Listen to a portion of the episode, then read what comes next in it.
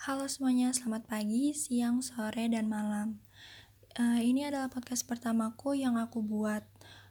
Oh ya, sebelumnya kita kenalan dulu yuk. Perkenalkan namaku Ninda Andrea Haliza dengan nomor induk mahasiswa 2011111220012 dari kelompok 5 yaitu kelompok 3G-. Aku adalah seorang mahasiswi di Fakultas Kedokteran Gigi Universitas Lambung Mangkurat. Baiklah, langsung saja tanpa banyak basa-basi lagi, kita mulai saja mengenai pembahasan podcast kali ini. Seperti yang kita ketahui dan sekaligus kita rasakan bersama-sama bahwa stay at home karena pandemi COVID-19 ini bukanlah suatu hal yang mudah untuk dilakukan. Mungkin di awal-awal waktu pandemi ini baru memasuki Indonesia ya khususnya. Pada saat itu mungkin kita masih bisa kayak oh it's okay atau bahkan malah merasa euforia karena yang sebelumnya setiap hari harus berangkat sekolah, kuliah, kerja ataupun melakukan aktivitas lainnya di luar dan semua kegiatan itu pastinya melelahkan kan. Nah, tapi dengan adanya pandemi ini, semua kegiatan yang semestinya kita lakukan di luar itu berubah sistemnya menjadi work from home atau dikerjakan dari rumah. Dan karena hal itu lelah fisik kita menjadi berkurang karena kita nggak harus datang ke sekolah atau kantor yang pastinya hal itu membuat kita di setiap harinya merasa capek karena harus bolak-balik dari rumah ke sekolah atau kantor dan juga sebaliknya.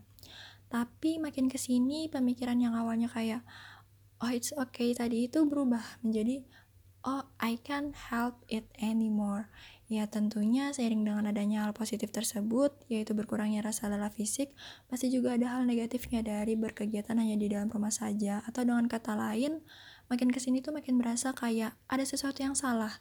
Dan sepertinya uh, hal itu adalah hal yang paling dirasakan atau bahkan yang paling berpengaruh bagi semua orang, yaitu timbulnya rasa stres dan juga jenuh. Ya karena kita hanya berkegiatan dari rumah saja, maka ada beberapa hal tertentu yang membuat kita merasa terbatasi. Kita ambil contoh simpelnya aja nih, misalkan ada tugas kelompok. Nah itu pasti berasa banget susahnya koordinasi antara anggota kelompok karena nggak bisa ketemu secara langsung.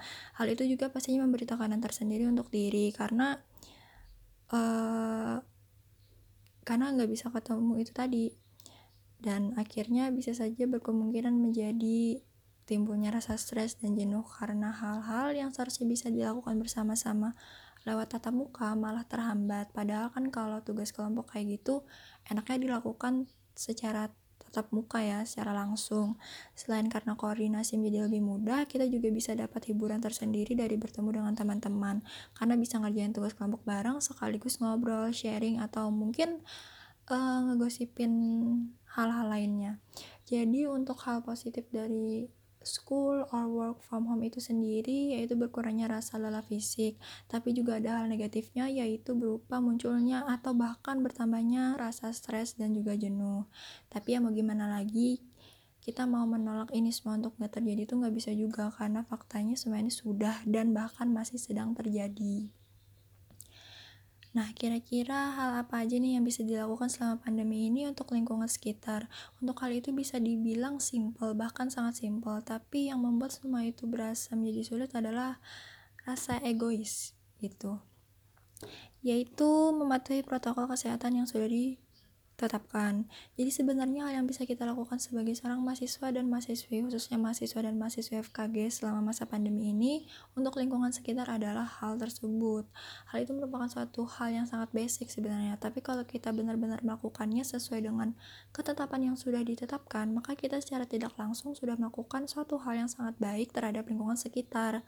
Kenapa bisa disebut sebagai suatu hal yang sangat baik terhadap lingkungan sekitar? Karena dengan kita mematuhi protokol kesehatan tersebut, setidaknya kita sudah melakukan penghambatan dan pencegahan dari penularan virus COVID-19 ini. Jadi tidak hanya melindungi diri sendiri saja, tapi juga melindungi orang lain.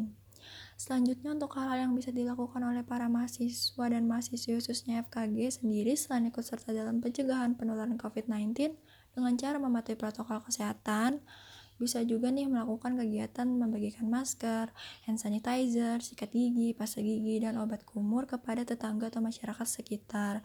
Tentunya saat melakukan kegiatan tersebut, kita juga harus memastikan dulu mengenai proteksi terhadap diri kita sendiri. Apakah sudah sesuai dengan protokol kesehatan atau belum? Jangan sampai kita yang seharusnya melindungi orang lain itu malah nantinya jadi membahayakan karena kita tidak aware ya jadi intinya pastikan dulu proteksi untuk diri sendiri itu udah seberapa persen sih amannya baru setelah itu lakukanlah kegiatan positif tersebut namun perlu diingat juga sebisa mungkin kita harus tetap memberikan sedikit jarak lah setidaknya biar nggak biar nggak begitu berdekatan dengan orang lain. Oh ya selain membagikan barang-barang tersebut kita bisa juga nih membagikan sembako kepada orang-orang yang membutuhkan. Soalnya kan karena pandemi ini gak cuma dari segi kesehatan aja yang bermasalah, tapi juga dari segi ekonomi. Dengan adanya pandemi ini, banyak orang yang jadinya harus kehilangan pekerjaannya, sehingga membuat finansial mereka jadi nggak stabil. Hal itu membuat orang-orang tersebut jadi kesusahan dalam mencukupi kebutuhan hidup untuk diri sendiri beserta keluarga. Nah, jadi dengan melakukan kegiatan amal yaitu memberikan sembako ini, setidaknya kita bisa sedikit membantu dan meringankan beban orang lain. Uh, sebenarnya masih banyak lagi hal positif lain yang bisa kita lakukan untuk lingkungan sekitar selama masa pandemi ini. Tapi karena saking banyaknya jadi berasa nggak mungkin aja bisa tersampaikan semuanya melalui podcast ini. Karena mengingat durasi yang nantinya malah kelamaan dan makin lama malah malah jadi makin membosankan. Jadi sepertinya untuk podcast kali ini mari kita cukupkan sampai sini saja. Jika ada lain kesempatan mungkin nanti bisa kita buat lagi podcast lainnya dengan tema yang berbeda. Oh iya, aku juga mau minta maaf kalau selama podcast ini berlangsung aku ada mengatakan hal-hal yang gak sewajarnya untuk dikatakan atau mungkin ada kata-kata yang belibet jadi susah untuk dipahami.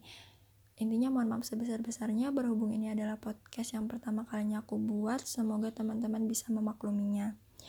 Oh iya, aku punya satu kutipan yang dari dulu sampai sekarang kutipan ini masih menjadi kutipan favorit. Kutipannya itu seperti ini. If you get tired, learn to rest, not to quit. Yang artinya kurang lebih jika kamu lelah, belajarlah untuk beristirahat.